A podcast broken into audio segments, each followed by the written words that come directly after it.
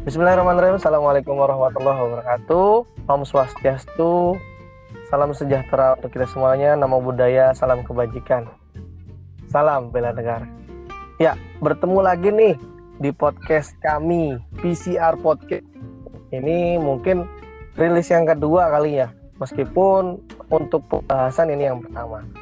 Jadi sedikit membahas tentang, tentang podcast ini. Podcast ini dibuat oleh kami mahasiswa Universitas Pertahanan yang kami sama-sama tertarik dengan bidang konflik and resolution gitu kan.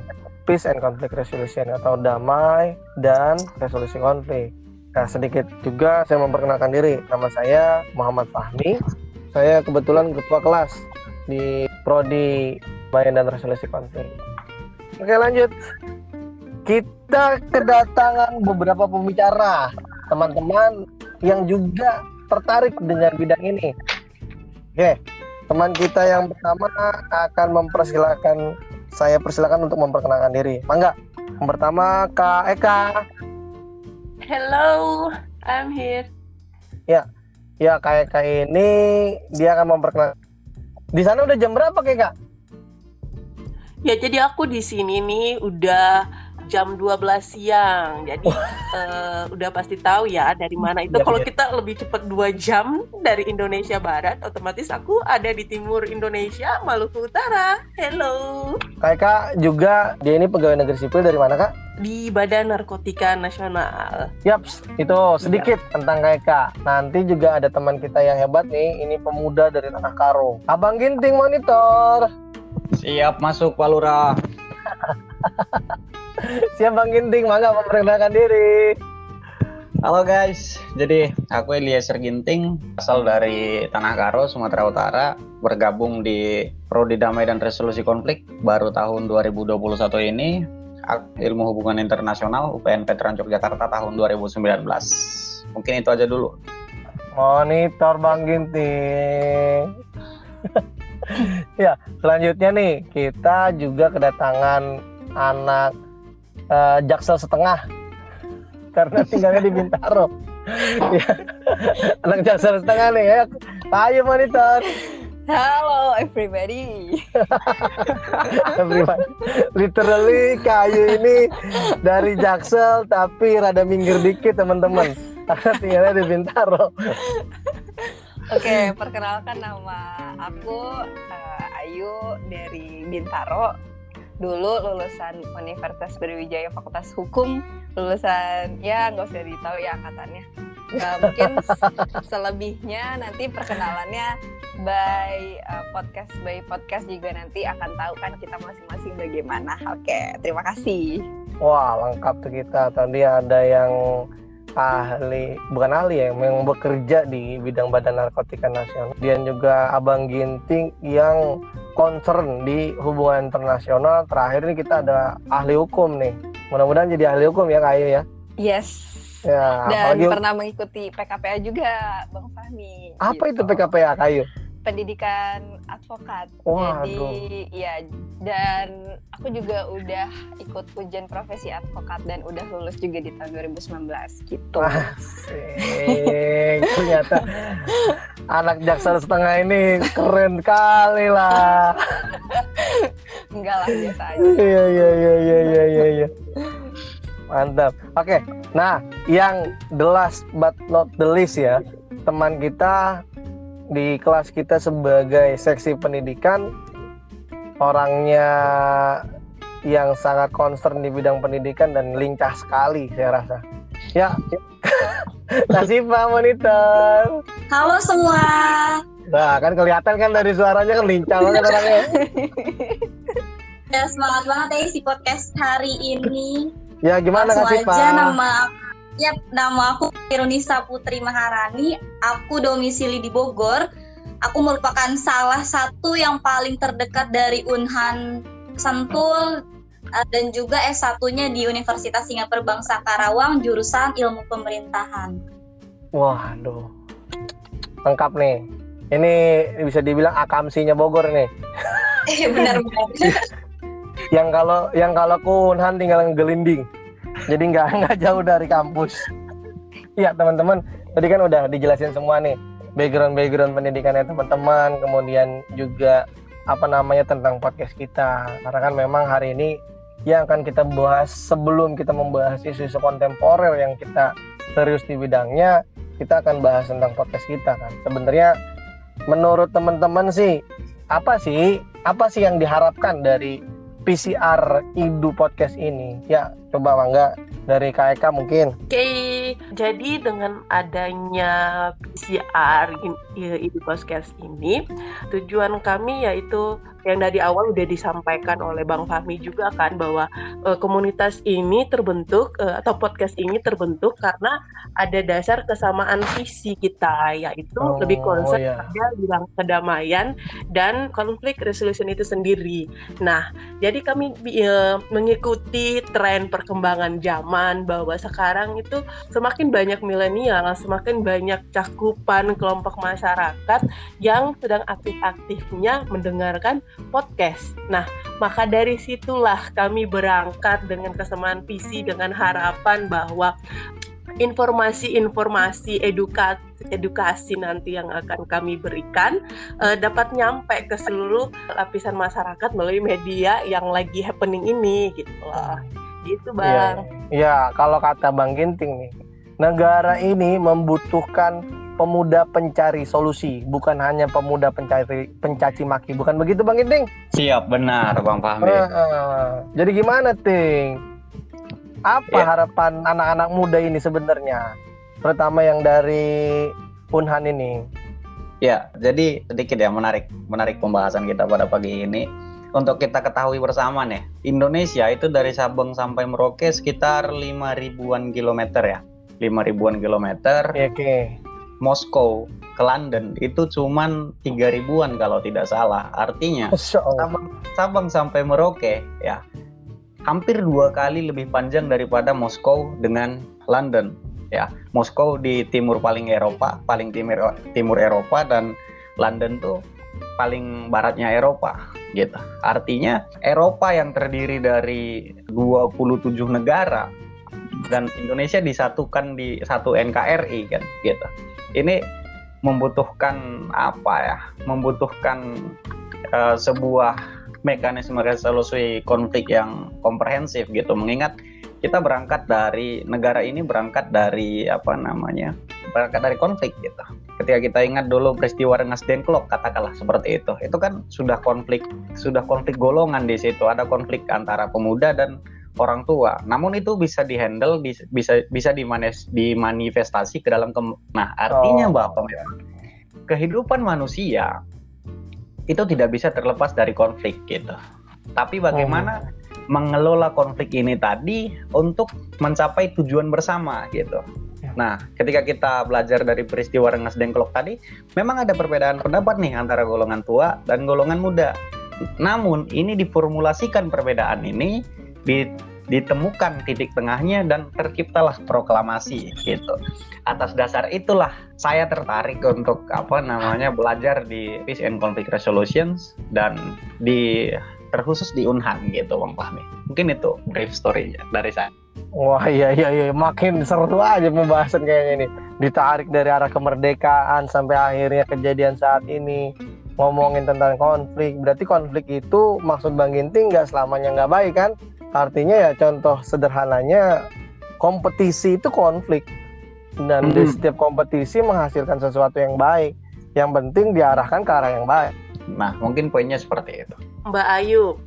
Eh, jadi sebenarnya nih dengan adanya podcast ini eh, ada urgensi apa sih sampai eh, mahasiswa Unhan gitu ya yang terkenal ya Cia terkenal gitu. Eh, sampai harus bikin podcast tentang hal ini nih.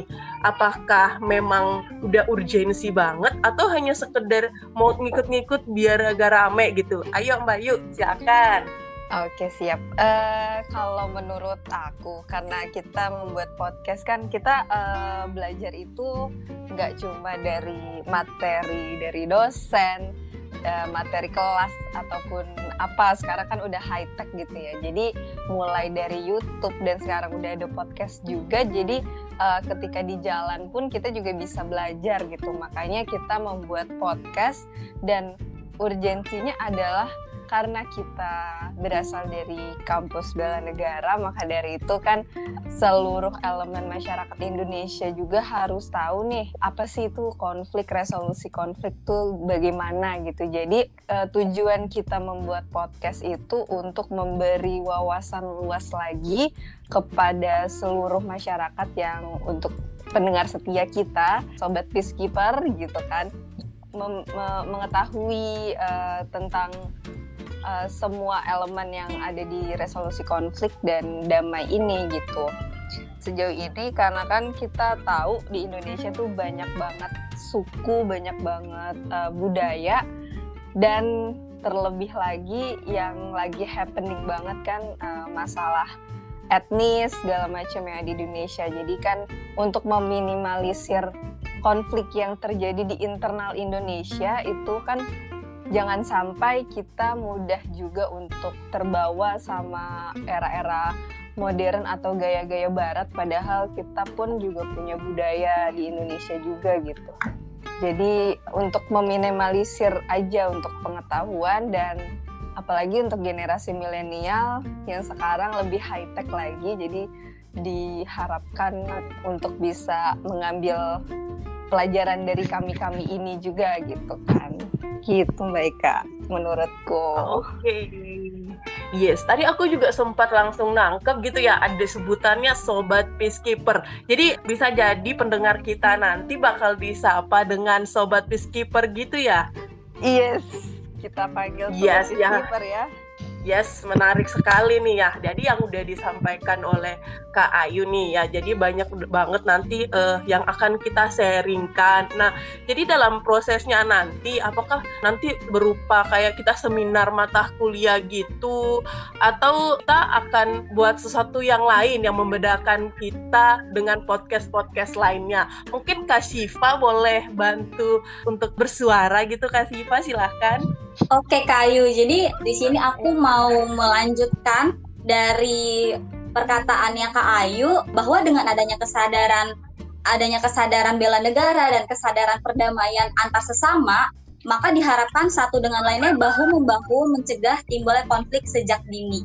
Pencegahan konflik itu yang struktur, secara konsisten dan aktif merangkul berbagai kalangan nantinya diharapkan mampu menghasilkan upaya pencegahan konflik yang tepat sasaran sehingga mampu memutus rantai ledakan konflik yang face to face antar kelompok atau individu dengan kelompok yang banyak menimbulkan korban jiwa dan kerugian materi. Jadi nantinya diharapkan podcast ini dapat uh, mem membawa masyarakat khususnya generasi milenial yang mendengar atau mengikuti podcast ini bahwa kesadaran perdamaian antara masyarakat dengan yang satu lainnya itu sangat penting untuk mencegah konflik kayak gitu kak. Dan sorry guys kembali terhubung sepertinya pendengar ya. Iya, kita udah sorry, kembali sorry, terhubung nih dengan tertua kami. Nah, uh. silahkan nih Bang, lanjutkan. Tadi, gimana gimana gimana?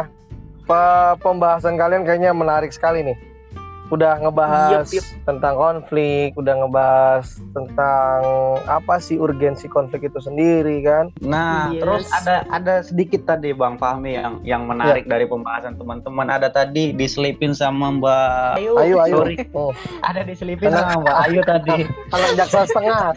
ada jaksel setengah gitu kan. Eh. Kampus Unhan itu adalah kampus bela negara gitu Bang bela Fahmi. Negara. Nah, mungkin itu bisa di-highlight sedikit Bang Fahmi. Apa bedanya yeah, yeah. kampus Unhan dengan kampus-kampus yang misalnya ada di Indonesia gitu. Ya seperti kita ketahui kan apa yang Bang Ginting bilang kampus Unhan kan di di Dapuk ya atau di ini kan sebagai kampus pelopor bela negara karena kan kita itu langsung Universitas Pertahanan itu di bawah Kementerian Pertahanan. Jadi teman-teman yang mungkin tertarik sama beberapa materi tentang keamanan nasional maupun itu tentang teknologi militer itu bisa mencari tahu tentang Universitas Pertahanan itu sendiri.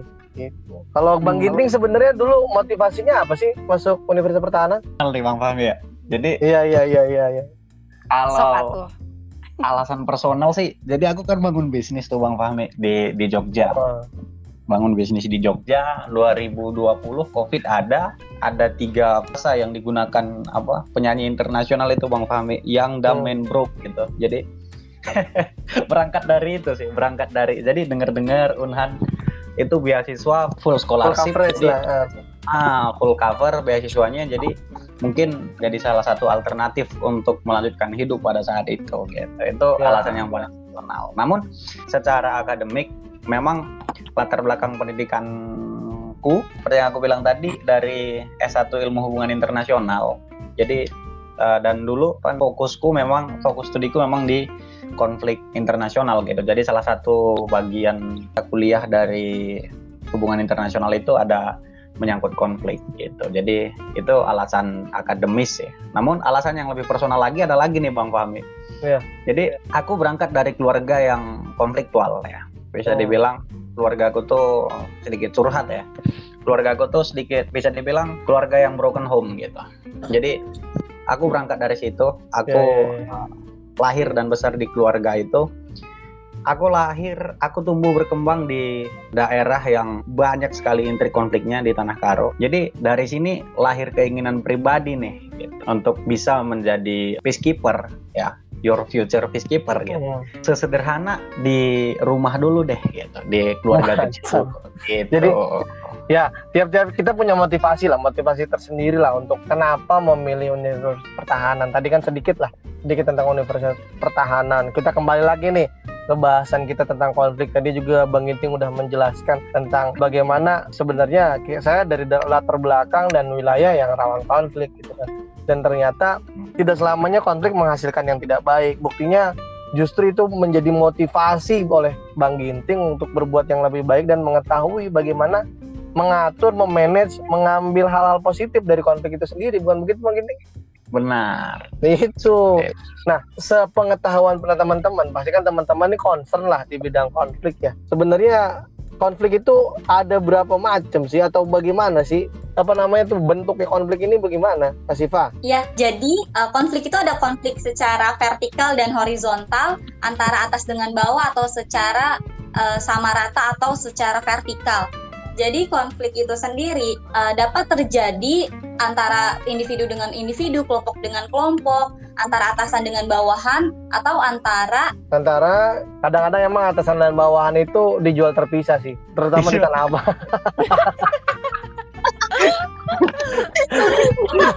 Jadi sering sering terjadi konflik kadang-kadang nggak sama atasnya apa, bawahnya apa ya gitu itu kan. ter- itu termasuk Siap. ke dalam konflik ya. konflik Eh, vertikal ya antara atasan Iya. dengan bawahan terjadinya kepentingan jadi eh, eh, setiap orang memiliki kepentingan to have dan to be jadi terjadilah konflik kayak gitu Sebenarnya ada nggak sih tokoh yang memang tokoh perdamaian, tokoh resolusi konflik di Indonesia sendiri? ada Nah, siapa salah itu? satunya dosen kita Pak Ihsan Malik Profesor Ihsan Malik ya? iya Iya, eh, Profesor Ihsan Malik sebagai apa beliau? jadi Pak Ihsan Malik itu sebagai mediator antara beberapa daerah yang terkonflik salah satunya saat itu Pak Ihsan menjelaskan pernah menjadi mediator di luar negeri uh, antara negara satu dengan negara lainnya untuk mediasi agar terjadinya perdamaian antara negara tersebut. Oke, berarti kan udah tadi udah dijelasin lah tentang macam-macam konflik. Sekarang kita langsung ke contoh jelasnya deh sedikit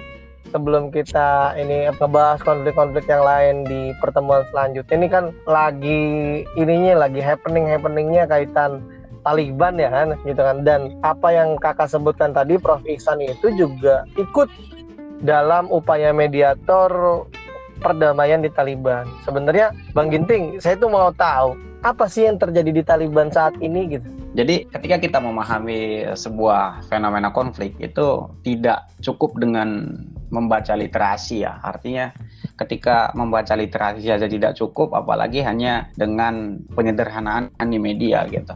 Artinya itu adalah konflik yang sangat kompleks gitu. Itu lebih daripada konflik agama gitu. Itu lebih daripada konflik kepentingan. Jadi mungkin sedikit teoritis ya. Kiblat akademisi atau kiblat saya pribadi dalam memahami konflik dan resolusi konflik itu di teorinya Galtung ya segitiga Galtung.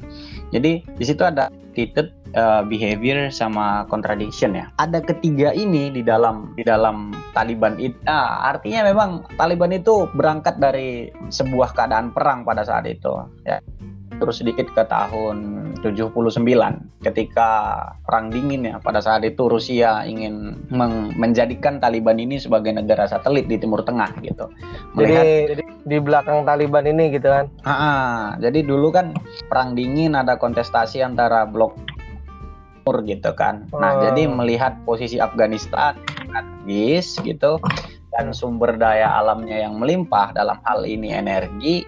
Jadi si Rusia ini ingin menjadikan si menjadi negara satelit gitu. Negara satelit ini kayak early warning ketika musuh mendekati Rusia gitu, itu bisa dideteksi di Afghanistan dulu gitu.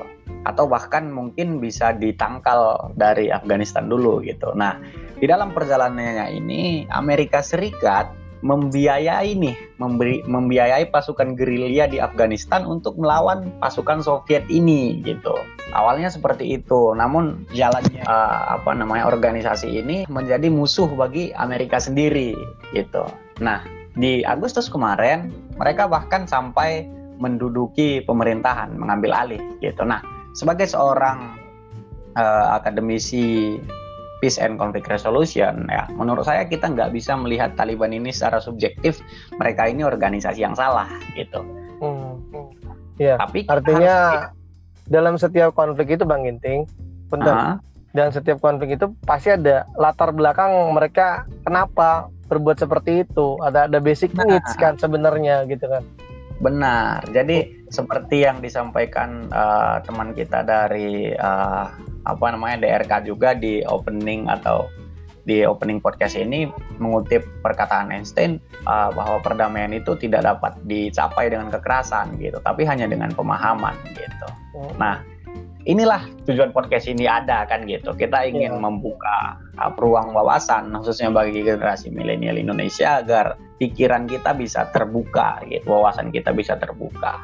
Gitu. Pertama kita bisa terbuka, kedua kita bisa antisipasi Benar. Jadi anak-anak muda tuh bisa mengantisipasi sebenarnya dan tidak mudah percaya dengan apa yang terjadi dalam media gitu. Jadi dia bisa harus nah. lebih apa ya, lebih dalam lagi mengetahui dalam bahasa dalam bahasa saya atau dalam bahasa dalam agama Islam tuh ada yang namanya tabayun. Tabayun hmm. itu mencari tahu, mempelajari sebelum kita mengeluarkan statement ataupun kita ber, apa, mengadakan sebuah kegiatan. Itu mungkin Bang Ginting ya benar benar benar. Karena seperti yang kita bilang tadi Bang Fahmi ketika kita memahami konflik di Afghanistan nih gitu kan kita refleksikan ke Indonesia sehingga bisa kita antisipasi nih di Indonesia gitu. Tidak ter copy paste ke Indonesia gitu. Jadi anak muda lebih mawas diri lagi gitu. Oh benar. ini kejadiannya apa nih gitu kan. Dan nggak mungkin kan gini secara apa namanya itu pergerakan nggak mungkin nggak ada resonansinya sampai Indonesia pasti kan ada resonansinya apalagi pemberitaan yang sekarang zaman sekarang multimedia itu cepat ya menyebarnya nah. gitu kan pasti kan harus dipelajari by the way nih bang Fahmi nah. by the way Kak Ayu kemarin hmm. baru cerita juga aku baru tahu ternyata skripsinya ya fokus uh, Kak Ayu tuh di hukum internasional ternyata. Oh. Dan skripsinya itu tentang konflik juga dan itu oh, merupakan mantap, mantap. salah satu konflik yang long lasting di dunia ya. Yes, konflik right. Israel Palestina nih. Mungkin insightnya Kak Ayu juga penting kita pahami dari perspektif uh, hukum. hukum internasional nih. Gimana?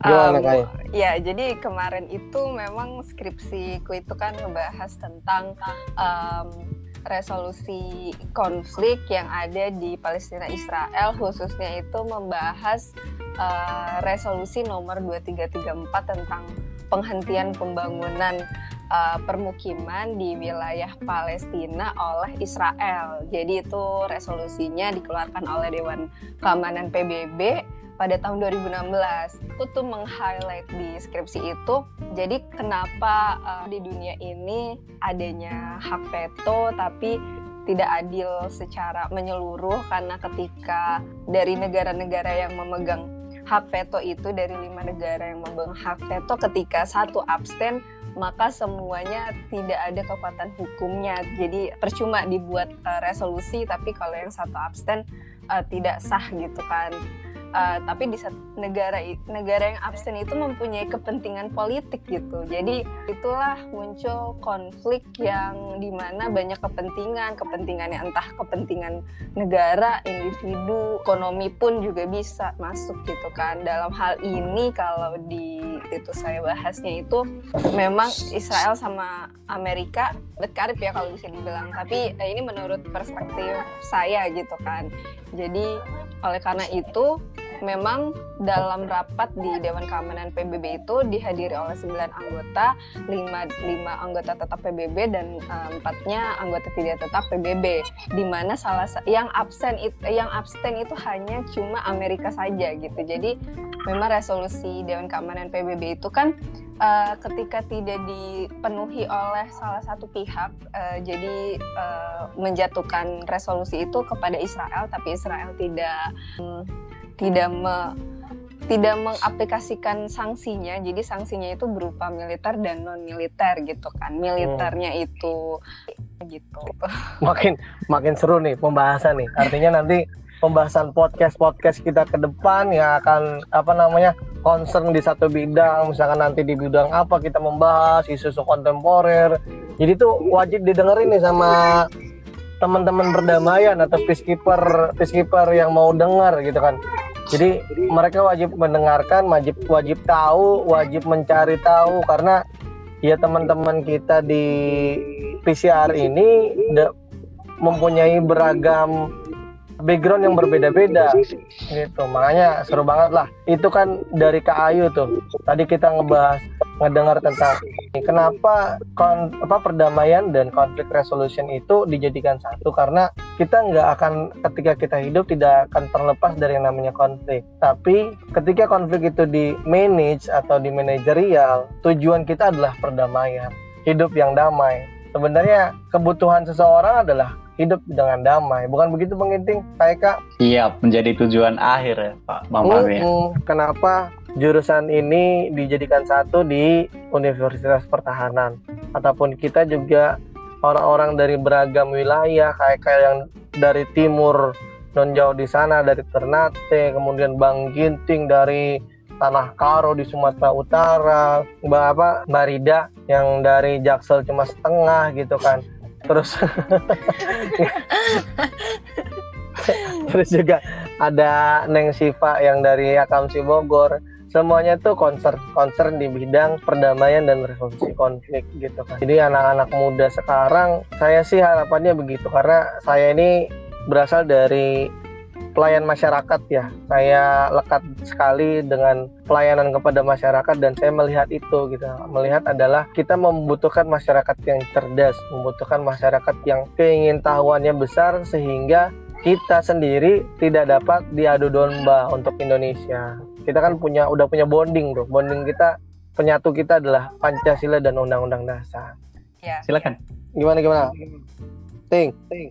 Ya, dan uh, mungkin uh, para sobat peacekeeper tadi Pak Lurah itu banyak mungkin mendengar kata-kata siap ya. Itu juga menjadi salah satu ciri-ciri apa namanya mahasiswa mahasiswa Unhan gitu ya.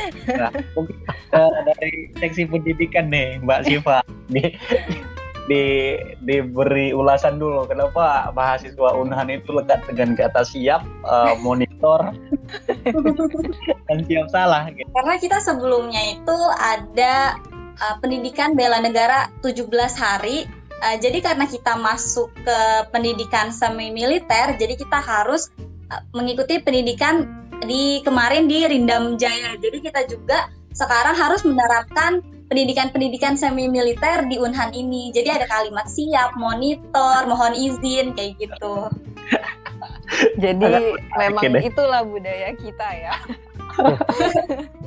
Jadi harapannya adalah mungkin uh. kita tidak dididik secara militer, tapi mempunyai kedisiplinan dan etos kerja yang baik seperti etos kerja di militer.